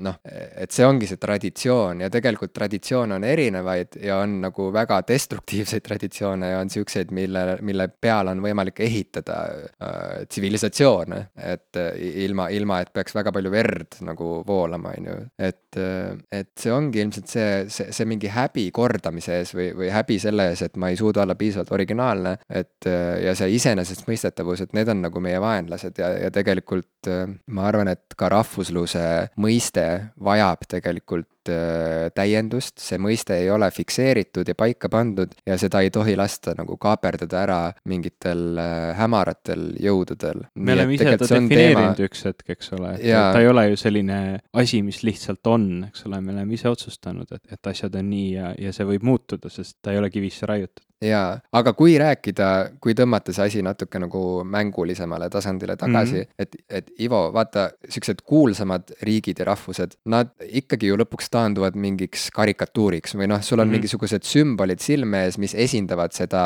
seda maailma. et no kui ma ütlen sulle näiteks, on ju, Prantsusmaa, mis kolm asja sulle seostuvad Prantsusmaaga, ilma üle mõtlemata? toit, riided, linnaelu. nii, väga hea, Inglismaa kurat, ma tahtsin täpselt sama asja öelda äh,. Inglismaa. sa võid, sa võid nimetada ka mingeid objekte. ilm on alati halb äh,.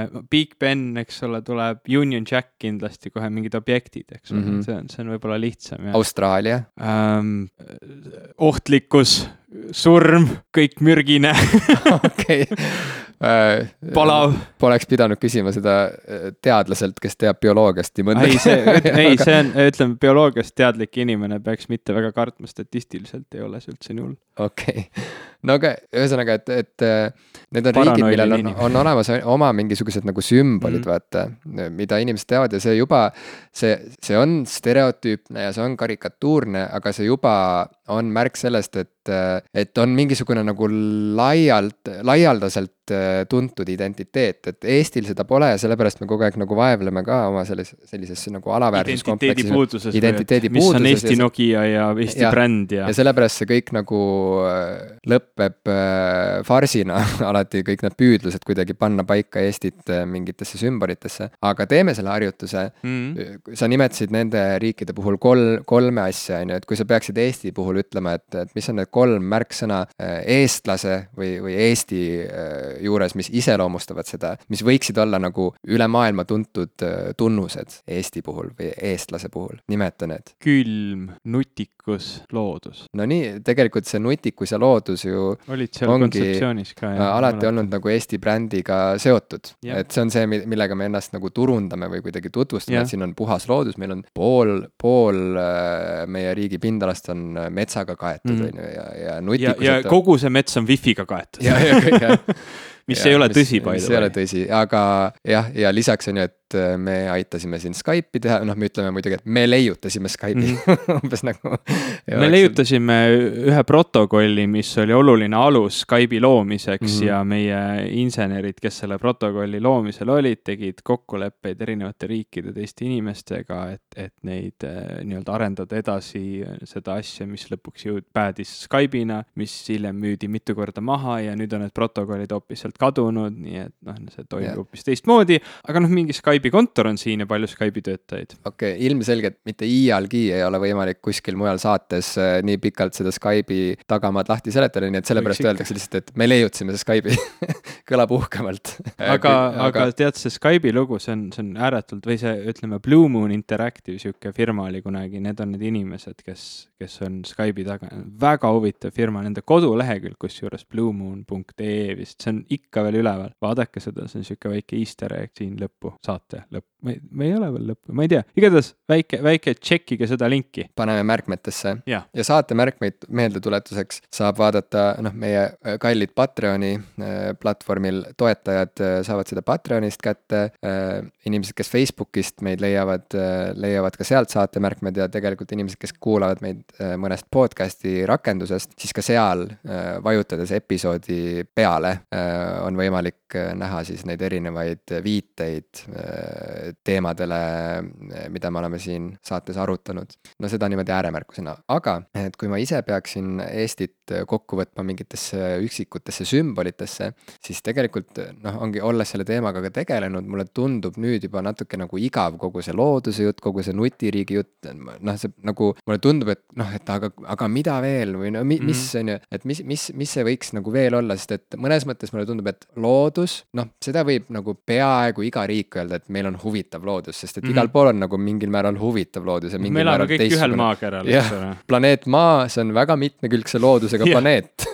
tuleb nii välja. on ju, et selles mõttes aga nagu on ka teisi planeete, kus on ka küllaltki mitmekülgne loodus, et. jah, et äh, noh, olgem ausad, on ju, et see, kas sa viibid mingis äh, Läti metsas või Norra metsas või Eesti metsas või, või sa oled Kanadas kuskil metsas, noh, ülisuurt vahet ei ole.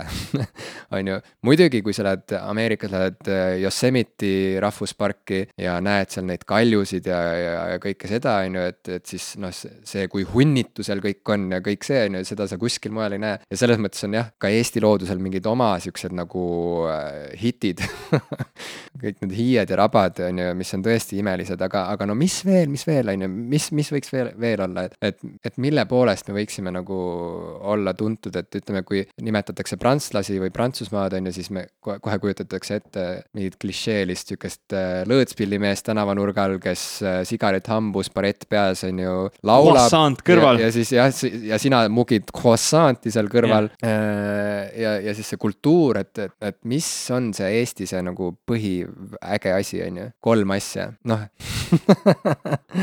ja nüüd ma olen pannud ennast sellesse olukorda praegu, et tulista, sina väga julgelt tulistasid ja mina vaikin. see ei ole esimene koosolek, kus seda mult küsitud no vot.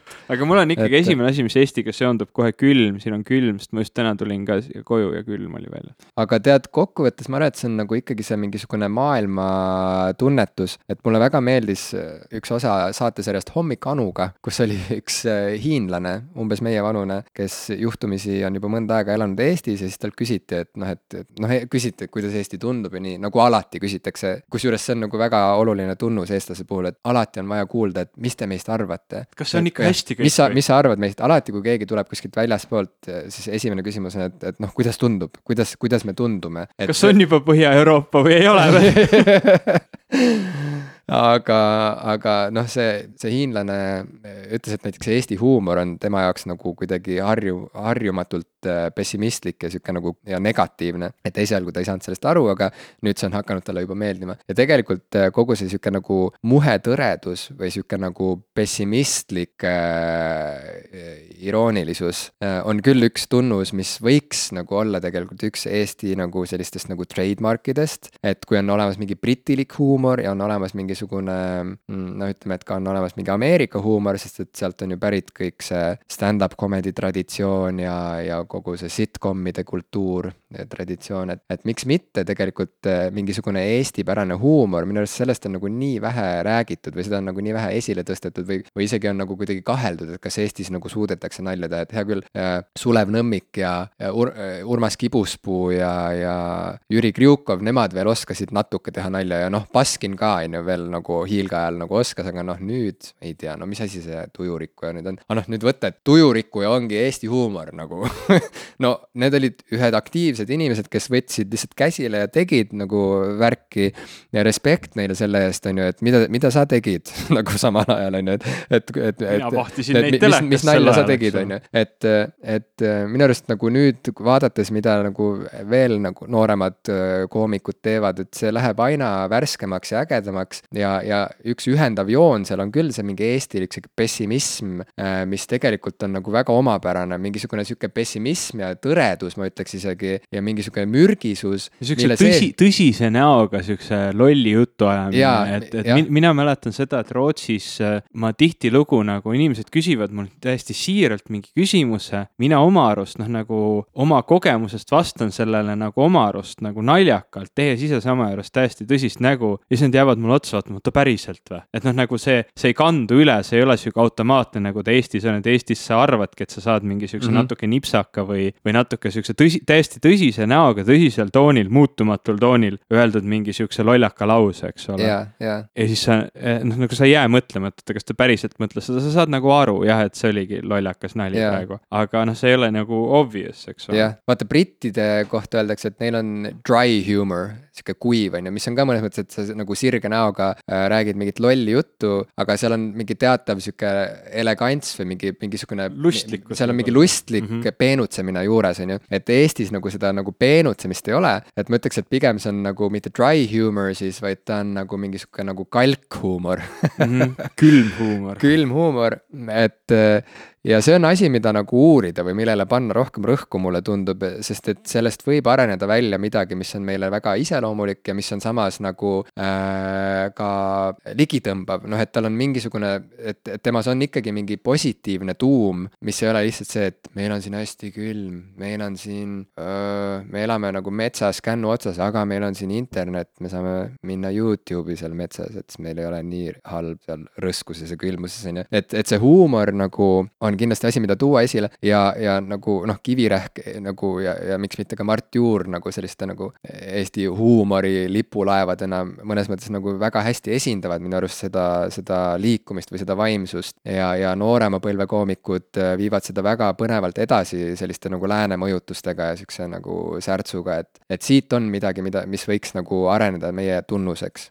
ja teiseks, et see huumor laieneb edasi mingiks elufilosoofiaks ka minu arust, et minu arust seda, selle huumori tunnusjooned on need, mis tulevad tegelikult keelest, et öeldakse, et eesti keeles, et there is no future, on ju, et, et meil ei ole seda tuleviku ajamääratlust keeles olemas, et miks mitte siis võttagi seda niimoodi, et, et, et see kandub edasi huumorisse, sellepärast et meil ei olegi meie sihuke nagu äh, baas äh, elutaju äh,, et meie elu, elutunnetus toetub sellele, et ega tegelikult kokkuvõttes elul ei olegi mõtet ja kokkuvõttes ega tulevikult noh, midagi head loota nagu pikemas plaanis ju ei ole, olgem ausad. siis rääkida, eks ole, pole vaja. jah, ja see nagu ja see kandub edasi nagu igasse eluvaldkonda ja igasse päeva tegelikult, et, et ka tööl noh, et, et olgem ausad, kes meist tegelikult tegelikult tahab teha tööd. et tegelikult see on ju mõnes mõttes nagu palju naljakam ja nagu lustlikum ja mängulisem ja sihuke triksterlikum lähenemine asjale kui see, et ah, vana, vana Andres veeretab neid kive Vargamäel, on ju, ja üritab ikka nagu kuivendada kõvasti seda sood, et, et no kurat, et saaks ikka nagu selle põllu nagu vilja kandma, on ju, et, et,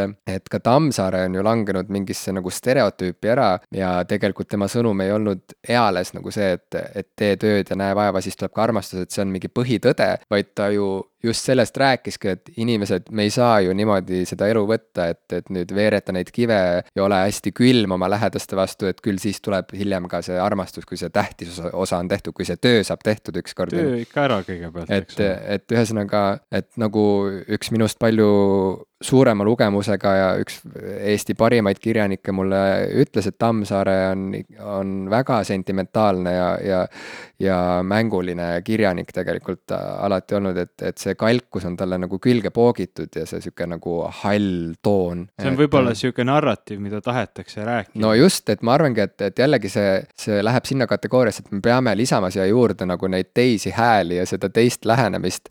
et see narratiiv ei kalduks ära mingisse nagu mingisse ühte hämarasse nurka, on ju. see teeb asja kohe päris huvitavaks, kui keegi mulle serveeriks Tammsaaret ette, et näed, sihuke väga krutskiga, krutskiga kirjanik kirjutas sihukestest asjadest, aga no vot, mis seal taga kõik on. see tekitab palju rohkem huvi lugemise vastu kui see, et, et see on meil väga sihuke oluline tüvitekst, see räägib palju sellest, mis tähendab eestlane olla ja, ja see kirjeldab meid rahvusena, defineerib meid rahvusena. see ei pane mind ühtegi teksti lugema, kui päris aus olla. no seda enam, kui seal hõljub kohal sihuke ähvardus, et kui sa seda ei loe, siis sa oled äh, mats ja sa ei ole eestlane tegelikult yeah. või kuidagi, et, et see on nagu täpselt sihuke, et okei okay,, nagu mis asi see nüüd on, et. siis äh, hakkad juba nagu sihukese vastumeelsuse tõttu mitte olema no just, et kui keegi ikkagi nagu on ju, raamatut saab soovitada kahte moodi, et sa võid kas nagu sõbrana öelda, et kuule, see on ülilahe ja sind, sa saad teada seda ja seda ja seda ja mind väga kõnetas.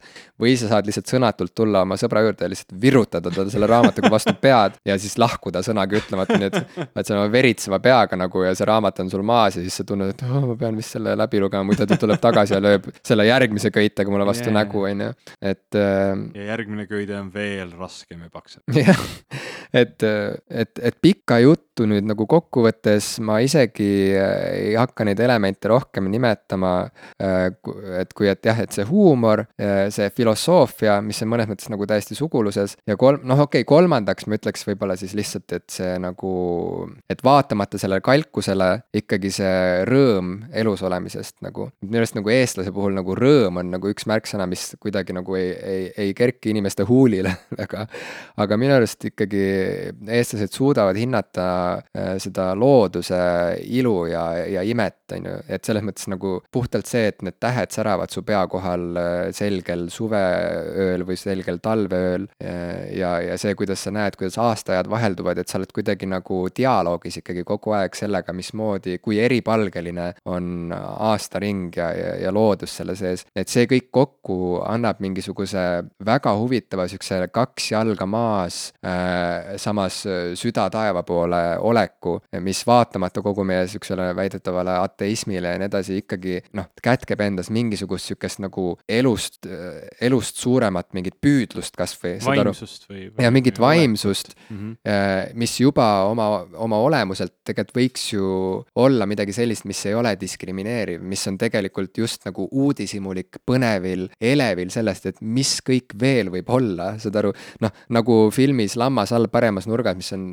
üks minu lemmikfilme üldse, rääkimata sellest, et üks mu lemmik Eesti filme, et seal, eks ole, see Tõnu Kargu äh, tegelaskuju jälgib tähti oma, oma sellisest tillukesest observatooriumist ja räägib tulnukatest, et minu arust seal on nagu mingisugune väga eestlaslik äh, nõks ära tabatud, et just nimelt, et mitte mingisugune kalknats, kes nagu mõõdab inimeste peakujusid vaid, vaid just nimelt see, see kummaline veidrik seal äh, Ehm, seal talus, kellel on oma käepärastest vahenditest ehitatud observatoorium, kes jälgib tähti ja mõtleb selle peale, et eh, mis asi see universum üldse on ja huvitav, kas tulnukad meid ka vaatavad sealt vastu et see kõik kokku annab mingisuguse jumala ägeda siukse nagu interstellar lähenemisega siukse eestlase kuvandi, mida minu arust tasuks edasi arendada, sest et see on korraga väga kalk, pessimistlik ja samas nii südamlik ja, ja kuidagi nagu kaugusesse vaatav vot seda narratiivi ma tahaks edasi arendada. kui me oleme nüüd nagu selle vestluse käigus kuidagi näinud või see on, see on välja tulnud, et justkui see, see rahvusluse kontseptsioon tegelikult on võib-olla,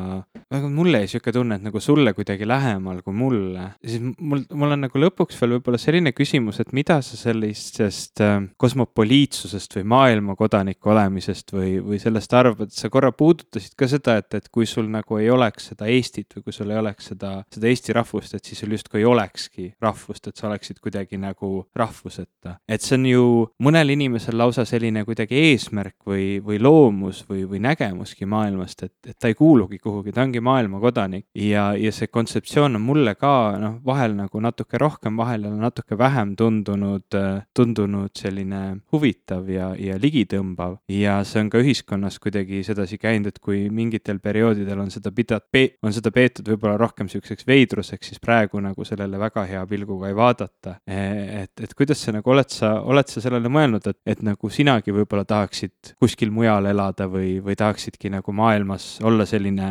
maailmakodanik? no esiteks, kui mul on ükskord elus äh, olnud võimalus kohtuda inimesega, kes ütleb sirge näoga, et äh, I m a cosmopolitan, see oli Saša Pepeljajev, kes on väga tuntud ja tunnustatud äh, lavastaja ja koreograaf vene päritolu, väga palju Eestis töötanud ja väga palju Von Krahliga just nimelt ka koostööd teinud aastate jooksul. ja tegime meiegi temaga koostööd, kui me olime alles teatritudengid, ta tegi meiega ühe lavastuse ja siis, kui see lavastus sai valmis, siis me üks hetk istusime garderoobis kõik koos ja rääkisime juttu ja võtsime väiksed pitsid ja siis, ja siis ma kuidagi küsisin Sašalt, et kuule, et sa liigud nii palju ringi, sa töötad nii paljudes erinevates riikides kogu aeg, sest et ta ei tööta ainult Eestis ja Venemaal, ta töötab tõesti nagu noh, üle maailma, igal pool. et et, et ma kuidagi küsisingi talt umbes sellist küsimust, et, et mis su, kuhu sa nagu tunned, et sa siis kuulud või, või et mis rahvusest sa oled nii-öelda. ja siis ta lihtsalt täiesti tõsise näoga ütles mulle, et I m a cosmopolitan. ja siis ma hakkasin naerma selle peale, sest et mulle tundus nagu, et kas sihukest lauset on võimalik öelda ilma irooniata või nagu, et kas päriselt keegi saab niimoodi öelda enda kohta. ja siis ma saingi kohe väikse sihukese nagu update'i, et jah, Jim, selliseid inimesi on olemas, et ka nii on võimalik, et sa ei olegi, et sa ei määratle ennast mingisuguse ühe öö, rahvusliigi esindajana, vaid sa lihtsalt oledki kosmopoliit jah, ja see on, see on üks identiteedi variant ja tegelikult minu arust rahvus taandub ikkagi elutunnetusele lõppkokkuvõttes. ja elutunnetus on hästi palju seotud keelega, sinu emakeelega. minu meelest see taandub sellele, et sinu, sinu nagu kogemustele, et kus sa oled üles kasvanud, see keskkond mõjutab sind ja tegelikult see keel mõjutab sind, sest et tegelikult keel määrab ära, ära selle, mis mõistetega ja mis, äh, mis mis loogikaga sa saad mõelda elust ja, kõigest, mis meid ümbritseb. ja eesti keel selles mõttes on küll, kui midagi on üldse nagu oluline eestluse puhul, siis noh, võib öelda, et loodus on ole, oluline ja kõik see, aga oletame, et me peame siit kolima ära teisele planeedile elama, siis mis on see, mida me kindlasti peame kaasa võtma, et, et jääda eestlasteks ja siis see ongi lõppkokkuvõttes eesti keel, mitte mingid blondid juuksed ja ma, ma ei tea, mitmesentimeetrised näpud ja varbad, on ju, vaid eesti keel, sest et seal on, seal on peidus see meie rahvuse kood nii-öelda. ja, ja elutunnetus tuleb hästi palju sellest, et nagu ma enne ütlesin, et ja seda on uuritud väga põhjalikult, mina oskan ainult siin nagu hästi pealiskaudselt sulle vahendada praegu, et, et on uuritud seda, et mismoodi tajuvad erinevalt elu ja aega inimesed, rahvused, kellel on olemas tulevikuvorm keeles ja kellel ei ole. ja ongi öeldud, et, et näiteks eesti keel, kus ei ole seda, mis on hästi sihuke olevikupõhine ja mineviku, et, et, et seal on mingid seosed, et miks me kipume olema pigem sellised nagu paigalt tammuvad ja samas mingisse nagu abstraktsesse igavikku vaatavad.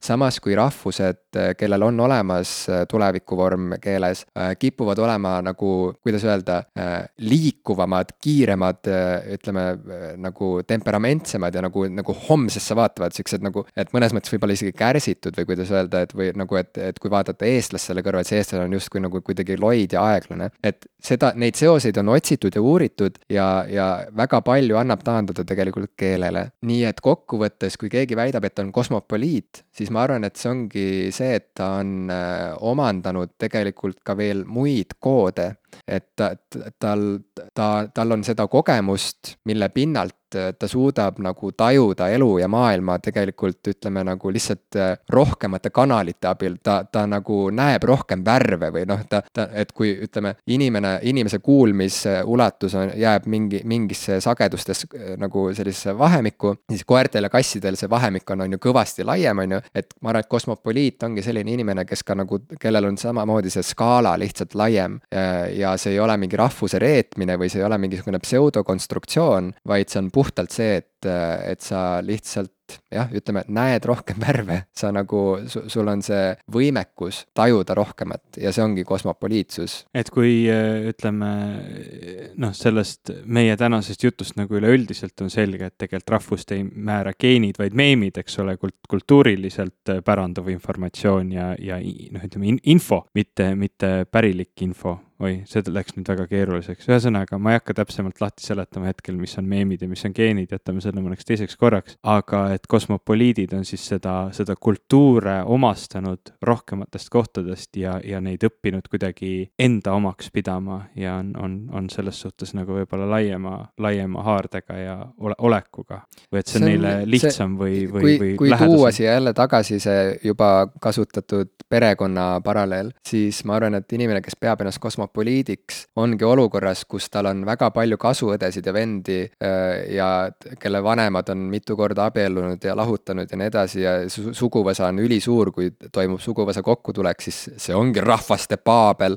ja seal, kui sa oled avatud südamega ja sa ei vihka oma ligimest, on ju, siis sa nagu, ma arvan, et kosmopoliit näeb rohkem kui keegi teine äh, seda, kui erinev ja mitmepalgeline on maailm ja samas, kui, kui lihtsasti taandatav see tegelikult on ikkagi mingisugusele põhiolemusele või mingile põhivajadusele, mis ühendab nagu kõiki inimesi. su see perekonna metafoor paisub ja paisub see paisub ja paisub ja paisub ja, ja lõppu ei ole näha. mina olen tegelikult kokku sattunud äh, üsna mitmete selliste inimestega, kes iseennast defineerivad või elavad sellist kosmopoliitset elu, ütleme tippteadlaste seas või, või noh, teadus on globaalne tegevus. Äh, teaduses on ka, ütleme, keel tihtilugu on inglise keel, et sul on nagu noh, sa, sa võib-olla elad mingis keskkonnas, kus on näiteks oma emakeel või, või sul on mingi teistsugune keel, mis, mis on selles keskkonnas ja siis, kui sa teadust teed, siis on sul see teaduskeel, sul on inglise keel, vähemalt tänapäeval, kunagi oli võib-olla ladina keel ja eks neid keeli on teisigi olnud, aga, aga tänapäeval see ongi justkui sa läheksid nagu teise keelekeskkonda ja seetõttu võib-olla seal on selline kosmopoliitsus, ütleme selle, selle keeleteooria järgi lihtsam tekkima, sest see ongi, need, need inimesed lihtsalt liiguvadki pidevalt ühest riigist teist, äh, töötavad ühes kohas, teises kohas, konsulteerivad siin-seal, nendel on tutvusi, töösuhteid, mida iganes nagu kõikjal ja nad pidevalt liiguvad ringi, et, et ühest küljest äh, ääretult väsitav, teisest küljest kindlasti noh, ütleme mingitel, mingitel tööpostidel või mingitel eneseväljendusviisidel ainuvõimalik äh, üldse midagi teha. mul oli üks väga huvitav, huvitav professor, kellega ma mitu korda kohtusin, kes on selline, et ta on nagu, ta on muidu pärit mm,, pärit Hiinast ja, aga ta on nagu igal pool mujal kui Hiinas, aga alati ta siis pühapäeviti läheb tagasi Hiina koju, et oma naisega kirikusse minna. et ta ise, ise nagu kirikus ei käiks, aga see on nagu see, see, mida ta siis alati oma, oma naisega pühapäeviti teeb, et see oli sihuke väga, väga huvitav lugu. aga noh, neid inimesi, kes niimoodi reisivad ja kes on seda, kes elavad seda maailmakodaniku elu, ma olen näinud nagu nii, nii väga entusiastlikke selles osas kui ka neid, kes seda võtavadki ääretult väsitavana või, või ütleme, noh, mulle on öeldud ka seda, et seal on nagu väga palju plusse, aga samas sa, sa ka pead ohverdama. muidugi, no see kohanemine ei ole mingisugune naljaasi, et kindlasti see ei ole sihuke mingi mõnus, mis mäng see on, kus sa hüppad ühest ruudust teise. keks. jah, et see ei ole nagu keksumäng, et äh, täna siin, homme seal ja nagu mingeid komplikatsioone pole, et muidugi, muidugi sa pead igal pool kohanema ja see on väsitav ja kuule, kui isegi minu jaoks vahel Haapsalust Tallinnasse sõitmine on väsitav, on ju, ja ma tunnen, et oh, ma tahaks nagu olla paigal ühes kohas. reisimine ongi väsitav. et siis noh, reisimine ongi väsitav, et siis äh, millest siin rääkida, kui sa mängid keksu maailmakaardi peal, aga äh, ikkagi jah, et see kosmopoliitne inimene äh, on mõnes mõttes rikkam äh, kui teised, et ta lihtsalt on võimeline tajuma rohkem või ta nagu näeb maailma erinevamate tahkude alt. ja noh, lihtne näide on see, et näiteks vaata öeldakse, et inuitidel on viiskümmend erinevat sõna lumele, noh kirjeldamaks lund. samas kui, ja Kate Bush on samanimelise albumi välja andnud Fifty Words for Snow, mis on hea album, mulle väga meeldib, aga. aga valesti edasi kantud meem on või? Eskimutel ei ole viiskümmend. no ma ütlesingi, et räägitakse, aga kust sa tead, et ei ole, kas sa, kas sa oled näinud teaduslikku uuringut, kus tõestatakse ära, et neid on filoloog, filoloogid sellest teemast hästi tihti armastavad rääkida, vot see on nende see, see valesti mõistetud as-, aspekt nende teaduse juures. okei, aga see on, see on see liitsõnade teema, et, et sa võid öelda nagu, ma ei tea, külm lumi ja kui sa need kokku paned, on üks sõna ja pehme lumi on üks sõna ja, ja valge lumi ja kollane aga siiski, no seal on mingisugune, seal on mingisugune seal on mingisugune valik erinevaid lumesid, lumesid, on ju, samas kui eesti keeles sa saad öelda lumi, sa saad öelda lörts ja siis sa saad lumehelbeid kirjeldada, noh et, et no, sa saad lobjakas ka ja... valge lumi ja määrdunud lumi ja, ja terav lumi ja mida iganes, neid on palju okay., kollane lumi. okei okay,, okei okay,, lase põhja see näide tead. sul on täna väga head metafoorid olnud äh,, alati ei pea ju õnneks minema. jah, no ma lihtsalt tahtsin öelda seda, et, et mõnes keeles sa saad öelda mingeid asju, mõnes teises keeles sa ei saa neid öelda, sest selles keeles see keel ei võimalda sulle seda ja noh, ongi ja noh, nii ongi, et, et see ju väga otseselt mõjutab seda, mismoodi me saame maailmast rääkida, mismoodi me saame seda üldse nagu enda jaoks ka tõlgendada. nii et kosmopoliit on see, kes on nagu mõnes mõttes nagu sihuke noh, vaimu, vaimul, vaimu polüglott paneme selle saate osa kinni, ma enam ei jaksa sellest rääkida. me oleme eestlased ja. ja tähistame... eestlaseks me jääme yeah. ja sina, Ivo, oled peole oodatud, ära tunne ennast nurka surutuna ja hüljatuna. sa oled oodatud sünnipäevapeole, me keegi ei pea sind natsiks, kui sa tuled. tore teada. jah et. Äh, nii et, nii et tähistame, tähistame toredat vabariigi aastapäeva, meil on see veel ees, meie kuulajad on selle juba ära tähistanud, nii et ma loodan, et meil tuleb tore päev ja et kuulajatel oli tore päev. ja, ja ma ütleks veel lõpetuseks, et, et kui rahvuslusel ja lipuga vehkimisel on sinu jaoks nagu halb maik, siis äh, noh, alustuseks on ju väga hea äh, tunne või, või, või suhtumine, mille pinnalt hakata pakkuma välja mingit paremat seletust või paremat narratiivi. Sest lõppkokkuvõttes äh, see, kelle hääl kõige kõvemini kostab, selle hääl jääb peale ja kui, äh, kui toredad, empaatilised, avatud südame ja, ja laia silmaringiga inimesed teevad oma suud lahti, mida viimasel ajal on äh, üha rohkem juhtunud, siis võibki juhtuda see, et eestlase stereotüüp kokkuvõttes on midagi meeldivat et eestlases, e-, et tüüpiline eestlane on keegi, e, kellega sa tahaksid sõbraks saada? ma arvan, et ma võtan vabariigi aastapäeval ette globaalsete eestlaste podcast'i ja õpin ehk mõne nipi, kuidas olla, olla parem eestlane. just, väga hea lõpetus, globaalsed eestlased on ideaalne näide sellest, kuidas me seda eestluse ja üldse rahvuse narratiivi saame liigutada mingisuguses huvitavas, elevile ajavas, humoorikas, vaimukas, ägedas äh, toonis. ja mitmekülgses. just